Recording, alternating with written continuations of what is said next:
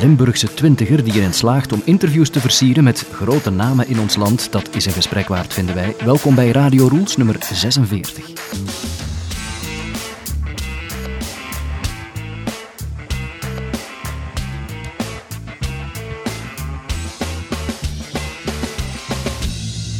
Kobe van Reppelen, dat is een naam die in het Vlaamse podcastwereldje toch behoorlijk snel veel bekendheid heeft gekregen. Snel naam gemaakt heeft die jonge man. Een jaar geleden heeft hij zijn podcast, de Kapitein Kobe Show, gelanceerd. Een long-form interview show is het.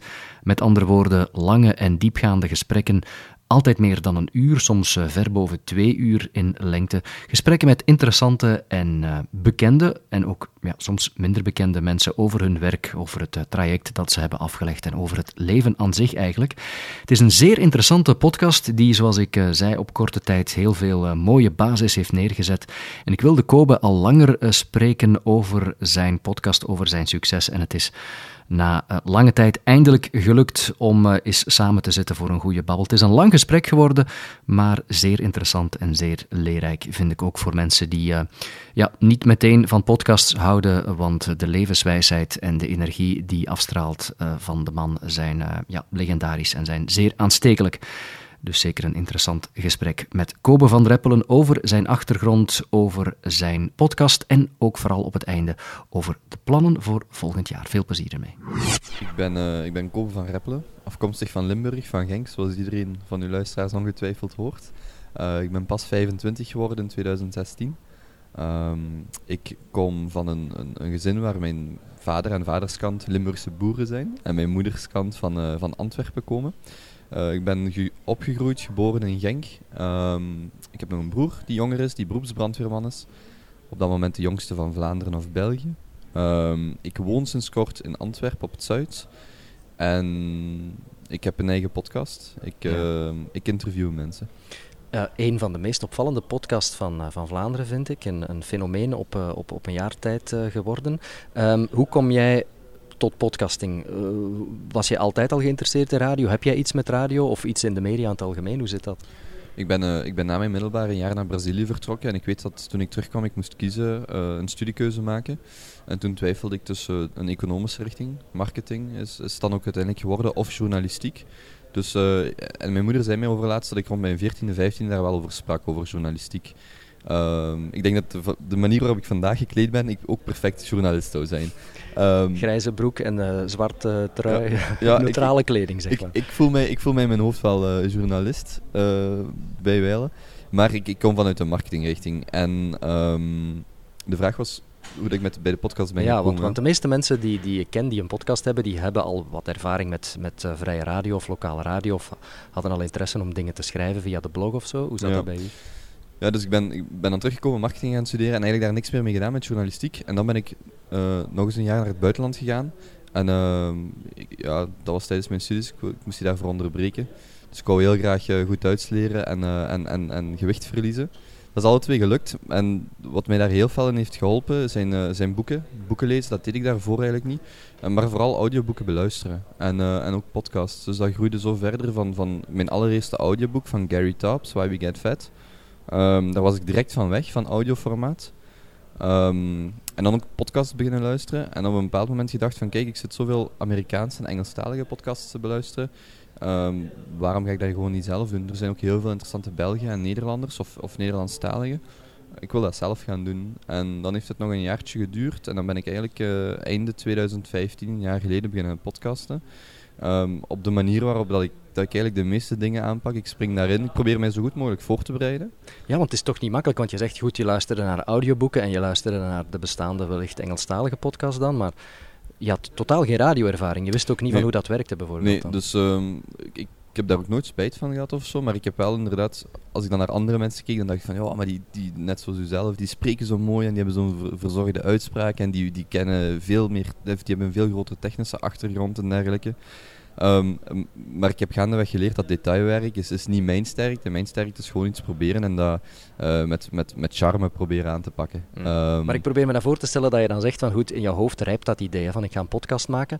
Dan begin je dan YouTube-filmpjes op te zoeken en dan ga je dan wat research doen. Want ja, als je nog nooit bij manier van spreken een microfoon in je handen gehad hebt, dan moet je echt van nul beginnen toch? Ja, ja dus, dus de manier waarop ik dat aanpak is er dan wel echt diep in duiken. Wekenlang daarmee bezig zijn. Oké, wat voor microfoons heb ik nodig? Wat voor toestel? Wat voor gerief? Eh, hoe gaat die show eruit zien? Wat is mijn format? Eh, wat voor vragen wil ik stellen? Maar ik ben ook iemand die, die heel veel dingen last minute doet. Dus ik, ik, maak daar wel, ik heb wel in mijn hoofd ongeveer een plan. Dus nu ook voor volgend jaar, voor mijn YouTube-show, heb ik daar ook wel een plan voor. Maar eh, het meeste gaat pas eh, van, van start gaan op het moment dat ik, dat ik in de trein zit op weg naar een interview. Eh, dan begin ik meestal mijn vragen voor te bereiden of tenminste op papier te zetten. Dus, dus ik heb mij dan, probeer mij dan zo goed mogelijk voor te bereiden. En ik koop dan, ja, ik kijk naar mijn budget. Ik koop dan ofwel tweedehands eh, goed materiaal of iets minder goed materiaal nieuw. En zo kan ik eigenlijk, zo ben ik toen met, ik denk voor 200 of 300 euro begonnen en gewoon mensen gaan contacteren. Ehm, want dat was dan een tweede aspect. Ik, ik had eigenlijk heel veel schrik voor ik de podcast begon. Of ik had het, het idee van, je- moet wel een bekende blogger of, of mediafiguur zijn of, of een speciale student of wie dan ook, om, om überhaupt bij mensen terecht te komen. Om, om Ja. überhaupt mensen te kunnen vragen dat zij twee, drie uur soms van hun tijd vrijmaken voor u. Ehm, maar dat werd heel snel bevestigd dat Ja. dat niet nodig was. Dus, eh, Ja. dus ja. Want inderdaad, het, het- er is dat technische verhaal, maar er is ook het concept eigenlijk. Hè? Want voor de mensen die de, de podcast niet kennen, jij, jij doet heel lange, heel mooie, diepgravende, diepgaande interviews met, eh, ja, ik wilde bijna zeggen BV's, bekende Vlamingen, maar het zijn soms ook eh, net nog geen bekende Vlamingen. Ehm, dat zat vooraf ook al duidelijk in je hoofd. Je wist van dat wil ik gaan doen. Omdat Ja. dat niet bestond in Vlaanderen. Ja, voor, voor mij was het. eh, achteraf ben ik tot dat besef gekomen. Ehm, dat was niet in het begin zo, maar het was wel zo dat, dat ik nu al lachend zal zeggen: het zijn eigenlijk mensen waarmee ik graag eens twee uurtjes in een café zou zitten, eh, maar waar ik zo de kans niet mee zou krijgen. Ja. Dus, eh, dus ik gebruik mijn podcast als voorwendsel om, om bij hen eh, ja, toch even aan tafel te schuiven. Ehm, maar in, in het allerbegin, toen ik met mijn lijstje, mijn shortlist begon, van, eh, of toen ik dat begon te schrijven van mensen die ik graag zou willen interviewen, waren dat vooral gewoon mensen die ik interessant vond. Mensen waar ik eens toevallig, de allereerste Peter Bertels, die was eens op school komen spreken eh, over, over creativiteit en brainstorming. Ik dacht, dat is een toffe vent, ik ga daarmee spreken. En wat doet Peter Bertels? Peter Bertels is, vraag, ik heb zijn jobtitel gevraagd, ehm, ben ik nu vergeten, maar ik geloof dat hij, of de, van waar dat ik hem ken, is dat hij workshops geeft rond creativiteit, rond brainstorming voor Flanders DC. Voor, ehm, ja, Flanders DC is nu, eh, was toen vooral bezig met creativiteit eh, workshops te geven. Die zijn nu wel geher, geheroriënteerd naar, naar moden en der. Allee, ik, ik, ik weet het niet juist wat zij doen, maar zij hebben wel een sterke rol vanuit de overheid, want ze worden gesubsidieerd Ja. om creativiteit en ondernemerschap te stimuleren. Ja. En Peter is iemand die is misschien een, een, een beetje de, de vreemde vis in die, in die vijver. Iemand die heel expressief is. En dat was gewoon iemand die ik dan voor de eerste keer wou spreken. En zo zijn er nog een hele race mensen geweest. Ehm, sommige kwam ik via een Google search terecht. Ja. Dat ik dacht van, oh ja, dat is wel interessant wat, die, wat die doen, maar ik ken die to- totaal niet. Maar ik ben die dan eh, toch gaan spreken. Eh, en andere volgde ik al langer. En dan zijn er natuurlijk een aantal BV's, want dat merkte ik wel gaandeweg. Het zijn vaak, ehm, los of iemand als BV interessant is of niet, het feit dat ze BV zijn, wil waarschijnlijk wel zeggen dat ze iets te vertellen hebben. Of dat nu, of dat nu goed is of slecht. Dus op den duur ben ik heel veel mensen gaan interviewen die wel een bepaalde status of bekendheid hadden. Daar ben ik niet altijd even tevreden mee geweest, maar dat bleken dan wel altijd... Je merkt wel als je, als je een jong, een nieuw medium brengt, gelijk een podcast, en je komt dan af met, ja, Jeff de Melkboer, dan moet je al verdorie heel sterk zijn. Of je moet al een medium, gelijk Radio 1 bijvoorbeeld, hebben, waarin mensen toch gaan luisteren, want ze weten wat ze gaan krijgen van kwaliteit. En ze weten dat welk verhaal dan ook wel een goed gestructureerd verhaal zal zijn. Dat was bij mij niet zo, dus op het moment dat je dan... ehm, ja, Peter van den Mem, Tadil El Arbi, Karel van Eetveld, eh, Alexander de Croo, Herman Brusselmans zeker.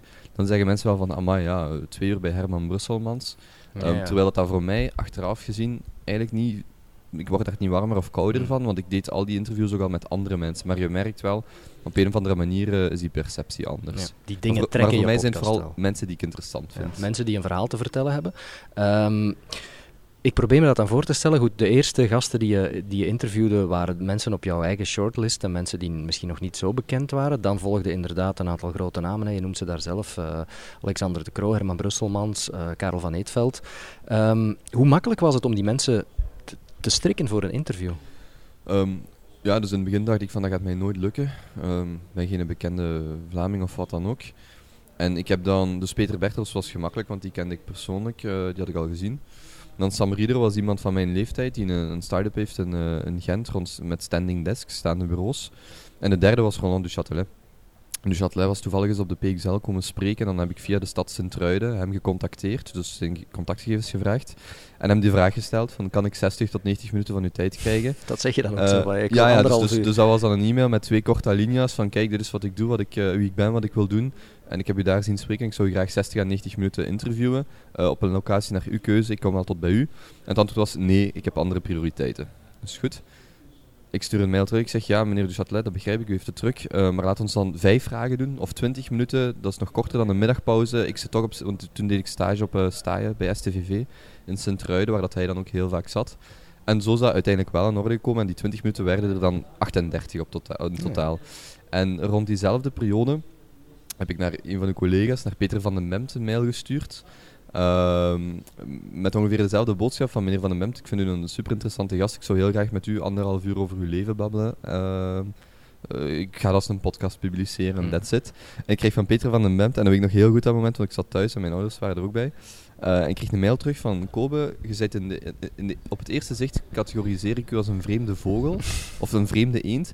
Maar dat is goed, want uh, maak maar een afspraak. Allee, laat mij maar een paar data weten en dan komt je maar af. En uh, ik, ik ben toen echt in de, in de lucht gesprongen, want ik dacht, ja, als Peter van den Bemt, en ik ben niet zo de gast van de grote idolen, maar dat is wel voor mij echt de, de sportjournalist van mm. België. En, en zeker de radiostem waarmee ik de meeste affiniteit heb, omdat ik ook wel een voetballiefhebber ben dat was, dat was het moment waarop ik dacht, oké, als ik en Roland de Châtelet zover krijg en Peter van den Memt, zonder dat ik eigenlijk een, een publiek heb of een, of een noemenswaardig publiek, ja, dan, dan moet ik geen schrik hebben om andere mensen ja. te vragen. Eh, ik, ik heb uh, naar die podcast, uh, dat interview dat je gedaan hebt met Peter van den Bemt, geluisterd en ik heb hem, denk ik, twee uur nadat ik de laatste seconde had beluisterd, heb ik hem een mailtje gestuurd en heb ik hem proficiat gewenst. En fantastisch dat hij, dat hij mee wilde doen aan die podcast. Want ik vind het gewoon leuk dat mensen effectief dat, dat medium ook, uh, ook ontdekken en meedoen. Heb je problemen als je het concept podcast moet uitleggen? Uh, stoot je daar nog op een muur van, van onbegrip of hoe verkoop je dan je podcast? Um, de meeste van mijn luisteraars zijn ik heb daar eens stevig over nagedacht. zijn autodidactisch, ondernemend. Um, ik kan ze nog wel een paar steekwoorden opnoemen. Maar dat zijn wel mensen die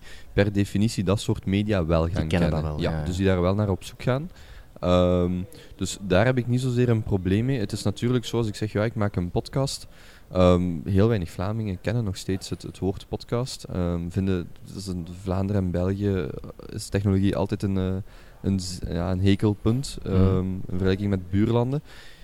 Maar voor mij persoonlijk maakt dat niet zoveel uit. Ik heb uh, begin dit jaar, dus, dus eigenlijk op 23 december vorig jaar, 2015, de eerste afleveringen gepubliceerd. En ik ben in juli of augustus gestopt met mijn statistieken bij te houden. Omdat ik merkte dat ik bijvoorbeeld Herman Brusselmans had geïnterviewd.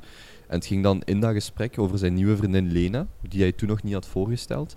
En over zijn erectiestoornissen bijvoorbeeld. Um, en twee weken daarna zat hij op de, stelde hij zijn nieuw boek voor. En was hij overal in de media met zijn nieuwe vriendin. En nog eens een week daarna kwam hij op Kroost op 4 en sprak hij over zijn erectiestoornissen en was hem weer overal. En ik dacht, ja, ik heb niet veel minder tijd in dat interview gestoken dan die mensen. Behalve dat zij hmm. misschien met een team van vijf zijn en dus het equivalent van, van vijf kobes erin hebben gestoken. Maar zij hebben een bereik dat veel groter is. Dus voor mij is het totaal nutteloos om mij, te, om mij te, blind te staren op dat bereik. Want of ik nu drie of 4.000 man bereik, wat eigenlijk al relatief veel is, ja, in vergelijking met, met de echte, de grote media, is dan van te janken. Dus ik heb die statistiek ook gewoon gestopt. Ik, ben daarmee, ik hou daar niet meer bij. Dus nu breng ik die podcasts uit en mensen die dat kennen, die komen naar mij toe en die zeggen, ja, je hebt dat goed gedaan. En mensen die dat niet kennen, ja, die zullen het wel vinden of die zullen het wel op een andere manier ontdekken. Het is ook appelen met citroenen vergelijken, omdat dat interview dat hij bijvoorbeeld in de mainstream media dan gegeven heeft over die erectiestoornissen bijvoorbeeld, dat duurde misschien vijf, zes minuten, terwijl jij hebt daar meer dan een uur mee gepraat. Dus waar, waar, dat, wat, wat, jij doet, wat veel podcasters doen, kan ook gewoon niet meer op mainstream media. Hè. Ja, meer tuurlijk. Dat is iets waar ik het ook even wil over hebben, namelijk dat concept dat jij doet. Want als je dat op papier zet, als je mij nu een, een blaadje laat zien vooraf, voor jouw show bestond, waarop te lezen stond 25 jarige gast uit Limburg gaat 2,5 uur lang met uh, BV's uh, spreken en uh, zwiert dat op het internet, dan had ik eens goed gelachen en waarschijnlijk gezegd van, ja, je no way. Lachen, hè? ik ben nog aan het lachen, ik vind het geweldig. Maar ik vind het geweldig omdat het werkt. Het werkt gewoon. Hè? Mensen blijven luisteren en ik moet eerlijk zeggen, ik heb gisteren de laatste seconde beluisterd, heel de show met het interview met, met Pascal Papen. Toen ik, toen ik dat zag in mijn podcast-app, dacht ik, wow, 2 uur en wat was het? 2 uur 45 Ja, minuten? 2 uur 45. dacht ik van, wow, dat is echt wel een, eh, een lekkere hap. Maar ik heb hem, ik heb hem helemaal opgegeten. Mm. Ik, ik vond, vond het geweldig. Wij hebben natuurlijk het voordeel eh, dat België een fileland is. Dus er is niemand die tegen mij kan zeggen dat ze niet twee uur en een half vrij kunnen maken. Want eh, met een beetje pech zit je twee uur en een half per dag in de auto. Ehm, dus van de mensen die geïnteresseerd zijn, weliswaar. Ja, ja. Ehm, maar ja, kijk, ik ben daar zelf naar op zoek. Eh, als ik een boek lees, dan weet ik dat ik een, investering van 20 uur doe. Ehm, ik ben nu ook op de trein een boek aan het lezen. Ehm, daar ga ik naar op zoek. Ik ben de persoon die voor diepgang gaat. Ik ben niet, zo, ik ben niet op zoek naar de, naar de nieuws eh. Dat interesseert me niet zoveel, maar die diepgang. En ik vind dat op een, ehm, ja, op een lang gesprek met iemand kun je, kunt je daar wel naar op zoek gaan. Is zoals je bijvoorbeeld Alexander de Kroof, Karel van Eetveld. Heb je 50 minuten, een uurtje met hen op hun kantoor. Daar maak ik mijzelf ook niet wijs dat dat lukt, want, want die mannen hebben genoeg mediatraining gehad. Die gaan echt niet het achterste van hun tong laten zien, zeker Mm. niet aan een jonge gast op, op maar 50 minuten. Maar ik merk wel, als je twee uur, twee uur en een half met iemand zit, gelijk Herman Brusselmans, dan kun je wel, eh, of Pascal Papen, dan kun je wel je gesprek zo, zodanig aanpakken dat je in het begin, ja, dan, dat leert je ook gaandeweg, wat kunt peuteren, wat meer die emotioneel of, of, of eh, romantische tour opgaan en dan dat even laten zitten. En dan anderhalf uur daar, later daarop terug eh, aanpikken, wanneer je eigenlijk een, een vertrouwen wel hebt. En dan merk je dat op die momenten, dat er eigenlijk heel mooie verhalen naar boven Mm. komen. En die zouden nooit naar boven komen in een interview van, van 45 of, of 50 minuten. Dat is waar en dat vind ik een ander belangrijk kenmerk naast de lengte van de gesprekken. En dat hangt wellicht samen met het tweede kenmerk. Dat voor iemand die eigenlijk geen training heeft in interviewtechnieken of die, die weinig ervaring heeft, dat je echt wel mooie verhalen uit mensen kan halen. Hè. Je gaat echt wel in de diepte. Hè. Dat is echt ook een kenmerk van, eh, van, ehm, van jouw podcast. Ja. Je blijft peuteren. Hè. Ik denk, ik denk dat dat ook net een, een sterkte, of, of voor mij toch een, een, een speerpunt moet zijn, is eh, in de eerste plaats respectvol zijn eh, naar die mensen toe. Eh, ze weten dat, of, of zij zouden moeten weten dat eh, als het zover is, dat hij niet voor morgen in, in een of andere krant is en, en er wat, wat kliks of shares of euro's mee te verdienen. Maar dat dat echt die diepgang is. Ehm, maar ook vooral net, net het feit dat ik geen echte training heb en dat ik daar ook gewoon puur uit interesse zit. Dat ik, ik ben in Brussel twee interviews gaan doen, Jean Cornet en, en nog een tweede, ik ben het vergeten. Ehm, ja, dat is om 7 uur s ochtends de trein te springen, om om 11 uur in Zelen te zijn als ik me Ja, want je gaat overal naar, met openbaar vervoer. Ja, naartoe, toch, hè. toch veel, ja, toch veel. Ehm, Dus je investeert er echt, eh echt ja, dus, dus als ik zo zondag Ja. kijk, dan was ik van 7 uur s ochtends met de trein weg en dan kwam ik om 8 uur s avonds terug thuis en dan had ik twee interviews gedaan eh, met openbaar vervoer in Brussel en dan moet nog heel uw, uw postproductieproces beginnen, Mm. dat moet ik u niet vertellen. En je hoort Ehm, ook dus de ja, oprechte... veel tijd in hoor. Je hoort ook de oprechte verwondering en de oprechte interesse in jouw vragen. Hè. Je kan echt zo soms doorgaan op iets en dat vind ik net leuk, want dat heb, die tijd heb je vaak niet meer. Die heb ik Ja, ook ik kan me bijvoorbeeld herinneren dat, dat ik na mijn gesprek met Herman Brusselmans had ik hem even gevraagd naar zijn lang haar, hoe dat hij dat verzorgt. Dat was gewoon oprecht, want je ziet dat nu ook. Ik heb nu ook lang haar. Ja, dat, is lang, dat is heel lang geleden, maar ik was gewoon oprecht geïnteresseerd op dat moment van oké, hoe was jij dat? En, en misschien zullen mensen denken van, maar allee, wat vraagt die onnozelaar nu? Maar dat was dus echt een oprechte vraag. Dat stond niet op mijn lijst, met, op mijn vragenlijst. Ik wou dat gewoon, ik wou dat heel graag gevraagd, gevraagd hebben. En ja, dan, als mij dat te binnen valt, dan vraag ik dat gewoon. Ja. Wat, wat, wat, eh, wat zeggen de gasten achteraf van eh, wauw, dat, dat, dat ging lang door of wauw, dat was diep? Hoe zijn de reacties dan eh, ter De plaatse? meesten zijn verbaasd. De meeste, als ik het hen voorstel, zeggen ze wauw, anderhalf uur of twee uur, dat is wel lang. Nu, dat wordt natuurlijk met de tijd gemakkelijker, want je kunt, je kunt, eh, hun, je kunt hen vorige eh, interviews Dat laten waar, zien. ja. Eh, maar meestal zeggen ze van wauw, dat duurt wel lang. Maar na het interview hebben ze dan toch, komt vaak de feedback van het is toch vlot gegaan, het is toch goed doorgelopen. Ehm, ja. Knip jij veel? Ik bedoel, zet jij alles bij manier van spreken rechtstreeks online of haal je er nog veel uit? Ik knip niks. Ik heb in, ik denk in geen één interview tot nu toe ehm, echt geknipt. Ehm, En mensen vragen ook niet van, zou je dat er niet uithalen? nee, ik, was nu net aan het denken, Frank Mane, de, een venture capitalist, die heeft wel, omdat hij tax shift in plaats van tax shelter fout zei, dus Ah. dat heeft hij mij wel eh, laten weten van, Koop, ik zou willen dat je dat op een of andere manier nog aanpast. En dan heb ik dat ook in de intro nog eens herhaald, van oké, op het einde van het gesprek bedoelt hij zus en niet zo, want voor hem zou dat professionele consequenties kunnen hebben. Ja. Dan doe ik dat natuurlijk. Maar al mijn gesprekken gaan eigenlijk van A tot Z eh, zo online. En ik vind, dat- ik vind dat heel belangrijk. Ik, ik ga daar niet flauw om doen. Dat is vooral omdat ik te lui ben om ze te knippen en te plakken. En weer omdat ik daar geen trainingen heb en omdat ik daar gewoon geen goestingen heb. Maar voor, dat verplicht mij ook om het van de eerste keer te goed te doen. En, eh, en, en nog iets anders. Ik zat bij Jan Peumans. Dat was super grappig. Ook een heel mooi gesprek. Ja. Ja. En, en, en hij zei tegen mij van, ja, ik vroeg hem wie is uw favoriete auteur. En hij zegt, ja, ene, ehm Ah, ik ben nu de... Hoe heet weer de oud-hoofdredacteur van de Humo? Um, Guy Mortier. Mortier, ja. Dus hij zegt tegen mij, ja, ene Mortier. Um, en, en, met dat zeg ik Guy Mortier. En ik denk, nee, Kobe, shit, Guy Mortier is die van de Humo, dat is geen schrijver uit Gent. En ik zie Jan Peumans naar mij kijken van, jonge dwaas, Guy Mortier is die van de Humo, dat is niet... De...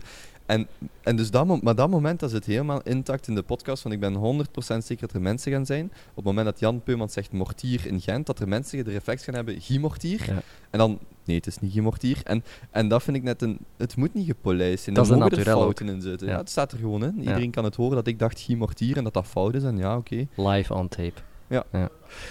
Um, ze worden alsmaar langer. Hè. Wat is, voor, is er voor jou? Heb je, vooral, heb je vooraf een limiet of zo? Of hangt het af van wie, wie je voor je hebt? Ik moet zeggen, uh, ik heb denk ik voor alle gasten tot nu toe ongeveer de, hetzelfde aantal vragen gehad. Um, dus sommige wat sneller, sommige gaan wat trager.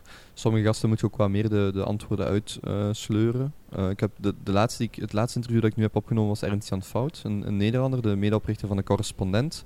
En daar merk je wel een, een klein verschil van Vlaming versus Nederlander. Daar had ik het gevoel dat ik soms iets meer eruit moest, uh, moest ja, sleuren is een lelijk woord, maar uh, gelijk een Pascal Papen of een Peter Bertels of Karel van Eetveld, die stelt geen vragen en die, die praten en praten en praten. Dus als de gast de, de, tijd en de ruimte laat om, om dat gesprek te laten gaan, ja, dan, dan kan dat lang duren. Hè. Dan kan dat van mijn part zo lang duren als dat nodig is. Um, ja, ja. meestal zit er wel een tijdslimiet op. Meestal zeggen ze wel, oké, we hebben een uur of we hebben anderhalf ja, uur. Het is vaak praktisch gewoon wat de mensen kunnen vrijmaken natuurlijk. Het, het, zal er ook van afhangen of je bij hen thuis of op kantoor uh, zit natuurlijk. Dat doet, ik, ik denk dat ik hm, 80% van mijn interviews thuis heb gedaan. Bij mensen. En dat is echt wel een verschil. Dat is ook gewoon veel leuker. Je zit daar voor hen in een vertrouwde omgeving. Relaxter. Uh, ja, relaxed, comfortabel. Ja. Dat is anders dan een, als een bureau. Maar ja, oké. Okay. Gelijk een Alexander de Croo, uh, ja, dat gaat ook niet altijd. Dat gaat moeilijk zijn. Um, wie staat er nog allemaal op jouw lijstje? Uh, wie, wie zit er nog aan te komen? Waarnaar mogen we nog uitkijken? Wel, ik heb... Um, ik was vorige week, uh, begin november was dat, of twee weken geleden, in uh, Lissabon voor de Web Summit. En daar, daar liep ene Joseph Gordon-Levitt, een acteur, rond.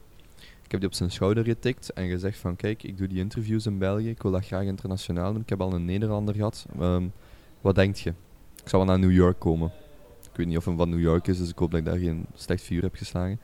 Dus um, wat die lange interviews betreft, heb ik nog wel zeker een aantal Belgen en Nederlanders. Matthijs van Nieuwkerk is iemand die ik heel graag, maar dat wordt ook heel moeilijk, zou willen spreken. En ook een heel aantal Belgen. Onder andere, ik ga zelfs nog ergens naartoe waar we Michel Sioen van VBO, als ik oh, ja. niet VK, VBO komt spreken. VBO, ja. um, Marion de Bruin hoor ik van verschillende mensen, is de decaan van de Vlerik Business School.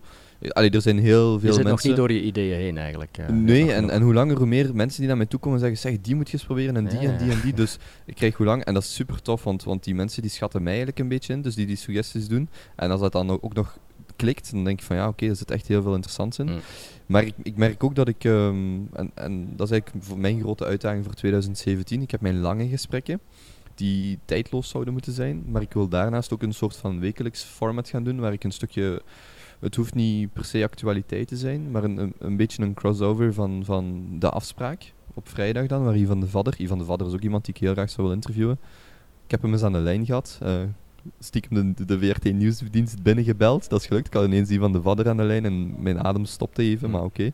Dat, dat lukte misschien nog. Um, maar dus waar ik een, een, soort van crossover van de afspraak doe en, en de Media Watcher op de zevende dag. Dus ik zou gewoon graag uh, wekelijks met een aantal mensen, uh, één persoon of meerdere personen, echt samenzetten en zeggen: Oké, okay, stel eens een keer voor en zeg eens wat u deze week is opgevallen. Dat mm. kan persoonlijk zijn, dat kan media zijn, dat, dat kan over honderd en één dingen gaan. Zodat ik en mijn, mijn tijdloze, als ik ze zo zelf mag noemen, interviews heb, die lang zijn. Maar ook wekelijks een, een format kan aanbieden, die, dat mensen mobiel kunnen kijken. Ja. En dan, als dat goed gaat, dan zou ik ook eigenlijk. Uh, een andere van uw collega, Lieve van Gils, heel graag wat de concurrentie aan een soort van talkshow gaan maken. Hè? De, ja. eerste, de eerste volledige online talkshow.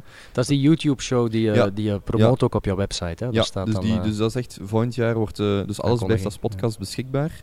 Uh, maar ik ga keihard op YouTube gaan inzetten, omdat ik uh, gigantisch geloof in dat medium. Dus al, ook mijn diepte-interviews, die gaan ook allemaal met video worden opgenomen en gepresenteerd, allee, ge, gepubliceerd. Ehm, maar ik wil echt wel eh, naar het einde van volgend jaar, of midden tot het einde van het jaar, een soort van, van talkshow. Dus ergens een locatie, meerdere camera's. En dan is het natuurlijk leuk dat de mensen die ik heb geïnterviewd, die zou ik dan kunnen ter- opnieuw vragen. Hmm. En dan ja, een paar tegenstellende, tegenstellende of tegens- tegenover elkaar gestelde meningen proberen te, te ja, mediëren. Dus, eh, dus ja, dat is voor mij, dat is De een uitdaging. De allereerste online talkshow is het dan eigenlijk, hè? de YouTube eh, talkshow. Ik, ik, noem het nu nog een talkshow, eh, omdat, ik naar, omdat ik Lieve van Geels ook al talkshow heb horen zeggen. En dat is wel, toch wel een man waar ik echt naar opkijk, eh, wat dat betreft. Ehm, ja. En een boek, want dat zit er ook aan te komen blijkbaar. Hè? ja, ik heb, ehm, ik heb als 18-jarige ben ik dan teruggekomen uit Brazilië. Ik heb dan een studiekeuze gemaakt en dat is, dat een foute studiekeuze geweest. Ik ben, ik ben eerst nog ehm, handelswetenschap aan de eh, Hogeschool Universiteit Brussel gaan doen. En eh, nu, zeven jaar later, denk ik af en toe van ja, ik zou mijn 18-jarige zelf graag wat, wat dingen willen influisteren die ik nu weet. Ik, ik weet nu heel goed dat ik, dat ik een puur buikgevoel mens ben. Dat wist ik toen niet. En had ik dat op een of andere manier kunnen influisteren, had mij dat wel, had mij dat wel geholpen. Ehm, dat gaat niet meer, maar wat ik wel kan doen, is, eh, ja, is hetzelfde boek voor mijn 25-jarige zelf schrijven. Dus ik ben eh, op 10 oktober 25 geworden. Dat wil zeggen dat ik tot volgend jaar, 2017, 10 oktober, heb ik een heel jaar dat ik 25 ben, om dat uit te brengen. Ehm, ik lees gigantisch veel, dus ik ga heel veel inspiratie kunnen halen uit, uit een, heel aantal eh, Amerikaanse, maar ook Belgische topschrijvers. Ben je er al mee bezig? Ja, ja, tuurlijk. Ja. Ik heb al, ik heb al een, een outline. Ik moet nu een, een heel stukje beginnen schrijven. Eh, maar ook daar is dat een heel leerproces. Hè. Ik merk als ik mij voor de computer zet en schrijf, dat lukt niet. Maar als ik een, een, een dictafoon pak en gewoon begin te spreken en begin te wandelen, Ja. ja, dan, kan ik, dan kan ik uren vol babbelen. En als ik daar dan de, de, een soort van samenvatting van schrijf, dan komt dat wel goed. Maar dat moet en zal er komen, want ik, ik wil dat gewoon op mijn 25e doen. En dan loop ik eigenlijk weer heel dat proces door, gelijk met de podcast. Oké, een, een, een, een uitgeverij zoeken, dat heeft voor- en nadelen. Een van de voordelen is dat je een groter bereik hebt. Een van de nadelen is dat dat allemaal langer duurt. En ik heb 10 oktober mijn deadline. Ehm, of self-publishing. En dat gaat waarschijnlijk wel worden. Dus ik denk dat ik volgend jaar kan het goed zijn dat, daar- dat daar een korte of een kleine crowdfunding campagne aan hangt voor, voor 500 boekjes of zo. En voor mij, voor mij is dat allemaal super tof, omdat dat manieren zijn waarop ik net buikgevoel zeg, waarop ik dingen kan experimenteren en proberen. En ja, ik krijg daar super veel energie van. Ik was een tijdje terug hier ook op, op Open VRT, die super tof evenementjes organiseren. Ja. En ja, ik merk gewoon dat ik daar energie van krijg. Ik probeer dingen die net iets buiten mijn kunnen liggen, of waar ik net geen ervaring of niet genoeg ervaring mee heb. Eh, want voor een boek uit te brengen zouden heel veel oudere mensen tegen mij zeggen: Joh, maar daar moet je toch gestudeerd voor hebben. Ja, nee, dat moet niet. Ik zal het wel zelf printen, ik zal het wel zelf betalen, ik zal het wel zelf verkopen.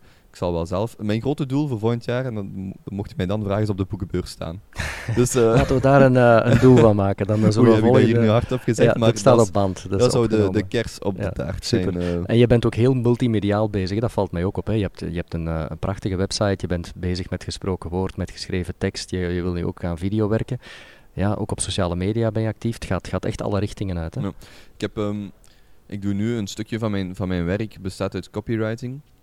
En ik, ehm, ik merk dat ik bijvoorbeeld veel liever met de beste copywriters van België een cursus zou maken over copywriting, dan dat ik heel veel copy voor mensen zou gaan schrijven. Dus, Hmm. dus eh, vanuit dat standpunt eh, wordt dat voor mij hoe langer hoe duidelijker ook, dat, dat de rode draad voor mij is mensen ehm, misschien net dat duwtje in de rug geven. Ik ben iemand die, of dat zeggen mensen vaak tegen mij, van kijk Kobe, we vinden dat fantastisch dat je gewoon dingen doet. Ja, je wilt een podcast beginnen, oké, je gaat gewoon Du Châtelet interviewen. Je wilt een YouTube-kanaal, je gaat dat gewoon filmen. Een boek schrijven, je schrijft dat gewoon. Voor mij is dat allemaal niet zo speciaal, omdat dat in, in mijn aard ligt. Maar ik vind dat wel heel leuk. Ik kan er heel veel energie uit halen als mensen naar mij toe komen en zeggen van Kobe, ik heb daar naar geluisterd, naar dat gesprek, of ik heb dat gezien. En ik ben ook gewoon begonnen. Hmm. Dus als ik, gewoon, als ik die dingen kan doen die mij gelukkig maken, dat experimenteren en ik kan op een of andere manier dat aan anderen doorgeven van probeer het maar eens, spring maar eens een keer in het doe- probeer dat maar eens. Dan, dan voel ik dat ik en doe wat ik graag doe en mensen ook nog eens verder help. En in dat opzicht wordt 2017 voor mij een, ja, een jaar waar ik heel hard naar uitkijk. Daar zit ook een hele markt in. Hè. In de VS zie je dat vaak, hè, van die, die coaching-podcasts en coaching-producten. Hè. En eh, dat is dan positief bedoeld, hè, maar mensen die ja, inspiratie geven aan anderen. Hè. Dat is iets dat wij hier niet kennen. Hè. Er zijn er een paar, denk ik, in Vlaanderen, maar zo die ja, energie geven en de. Karel van de Velde, maar, Ja, maar volledig online. Karel van de Velde is zo de naam waar ik dan aan denk. Ehm, ik heb al een paar dvd'tjes van hem bekeken. Ik denk, ik denk persoonlijk dat dat wat beter en wat, wat ehm, meer up-to-date kan. Maar dan is het aan mij om te, tonen dat dat kan. Hè. Ik zou mijzelf nu niet direct een coach noemen. Ehm, maar het is wel mijn idee dat, zeker in Vlaanderen, mijn sterke KMO-markt, er is ruimte en tijd voor KMO's die zeggen van zeg, in plaats van weer een dure consultant, volg maar zelf eens een cursusje. Uh, heel veel daarvan, heel veel mensen die ik nu ken, die volgen dat dan online bij Amerikanen. Ja. Dan denk ik, ja, dan kan ik net gelijk die podcast, kan dat hier ook, weliswaar op een kleinere schaal, maar niemand doet het. Uh, en als er iets is wat ik graag doe, dan is het ja, iets proberen wat ik eigenlijk niet kan. En, en dan zien we wel hoe ver dat ik geraak. Hè. Super, dat is uh, zeker en vast gelukt met de, met de Kapitein uh, Kobe podcast. Dus voilà, volgend jaar op de boekenbeurs, YouTube talkshow en nog hopelijk vele afleveringen van, van jouw podcast met nog heel veel interessante gasten. Voor mensen die jou willen horen of jou willen vinden op het internet, waar kunnen ze terecht? Dat kan ofwel op uh, aan elkaar geschreven, of gewoon kapitein Kobe op, op, YouTube, op, op YouTube of Google. Uh, ik zelf ben Kobe van Reppelen. Uh, ik zit sinds kort niet meer op Twitter, niet meer op LinkedIn. Bewuste keuze? Ja, bewuste keuze. Ik, zit wel, ik heb nog wel een Facebook profiel of ah, account die ik onderhoud waar ik wat dingen deel. Um, maar ja, toen, toen Prins Laurent op, op Twitter kwam, had hij op, op, op hij had op 7 uur tijd meer volgers dan ik op 7 jaar. En dat was voor mij de druppel. Ik dacht, ik ga hier geen tijd meer in steken. Ik ga eerst zorgen dat ik waarde heb. En als ik dan op een medium, medium kom, dan zullen mijn volgers mij wel vinden. Um, en uh, ik ga niet hypocriet zijn en zeggen dat ik er nooit meer op kijk, want ik zoek nog wel eens naar mijn eigen naam of interviews. Um, maar, maar het, ben je er niet meer op? Nee, nee het, uh, het spaart mij zoveel ruimte en tijd. En um, ja, ik, uh, ik heb er nog geen spijt van gehad. Ehm, dus nee, dus mensen kunnen mij op, uh, op kapiteinkoop.be of kovenvanrappelen.be vinden. En ik uh, maak er een erezaak van om snel op mijn mails te antwoorden. Dus, dus ja. Fantastisch. Goed. en ook gaan... mensen die nog suggesties zouden hebben of zo, altijd welkom. Ja, ja ik wilde net zeggen, we gaan het op onze website zetten, want ik kan me inbeelden dat er nu mensen zijn die ook denken van, oh, die persoon zou ik eens graag horen in de Kapitein Kobe Show, dus dat kan zeker doorgegeven zeker. worden. Kobe, dankjewel voor jouw tijd. Wilde bedankt voor mij te vragen. Volgende mensen mogen zich met onmiddellijke ingang en tot de volgende aflevering van Rechtswege producer van de Radio Rules podcast noemen en dienen als dusdanig met respect aangesproken te worden. En ik heb de eer en het genoegen om twee nieuwe namen toe te voegen aan de lijst met uh, producers van de Radio Rules podcast. Uh, twee namen dus. De eerste is die van Casper, Casper Pepermans. Op Twitter vind je hem als de luchtfietser in één woord. Dat, zijn, dat is eh, zijn username op Twitter. Dus de luchtfietser. Casper Pepermans um, zegt dat hij een podcast addict is en dat hij ooit zelf ook een podcast wil starten. Mensen die tips hebben, mogen mij steeds aanspreken op Twitter met een lachje erbij. Dus Casper op Twitter at uh, de luchtfietser. En dan de tweede producer van de Radio Rules podcast deze week is Joost Houtman. Op Twitter te vinden als Joost Houtman. Zo simpel is het. Uh, Joost is een van de mensen achter de podcast Het Foute Elftal. Dat is een show die ik onlangs ontdekt heb. Zeer leuke podcast die een mengeling is van humor, sport en geschiedenis. Uh, maar Joost is ook uh, ja, een creatieve duizendpoot zo te zien. Hij is storyteller, copywriter, ghostwriter en scenarist. En hij uh, liet ook nog weten dat hij openstaat voor leuke nieuwe podcastavonturen, ook voor bedrijven. Schrijft hij meer informatie op zijn Twitter-account en op zijn eigen website joosthoutman.be. We zullen de link ook op onze website zetten en op Twitter te vinden dus als Ad Joost Houtman. Als je zelf eens producer wil worden, als je zelf je eigen naam en of website is vermeld wil uh, horen in deze podcast, dan kan je surfen naar onze site radiorules.be en bovenaan klikken op uh, het menu-optietje. Daar uh, staat producer worden, alle uitleg daar.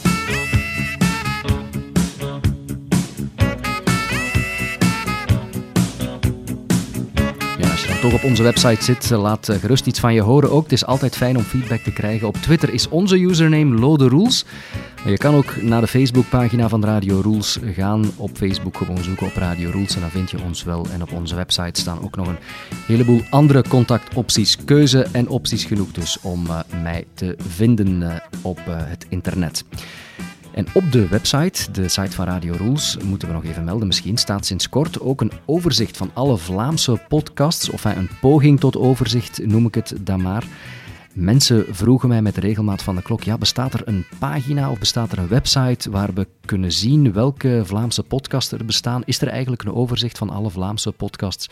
Wel, voor zover ik weet, bestaat dat niet of bestond dat niet, moet ik zeggen, want ik ben dan zelf maar iets begonnen een initiatief, een poging om tot een overzicht te komen van iedereen die in Vlaanderen bezig is met uh, podcasting Ongetwijfeld ontbreken er een aantal op dat lijstje. Ik heb de afgelopen dagen sinds die online ging ook meteen een aantal suggesties, goede suggesties gekregen van mensen die zeggen: hey, dit uh, staat er niet op of dit is mijn podcast, kan je die er ook aan toevoegen?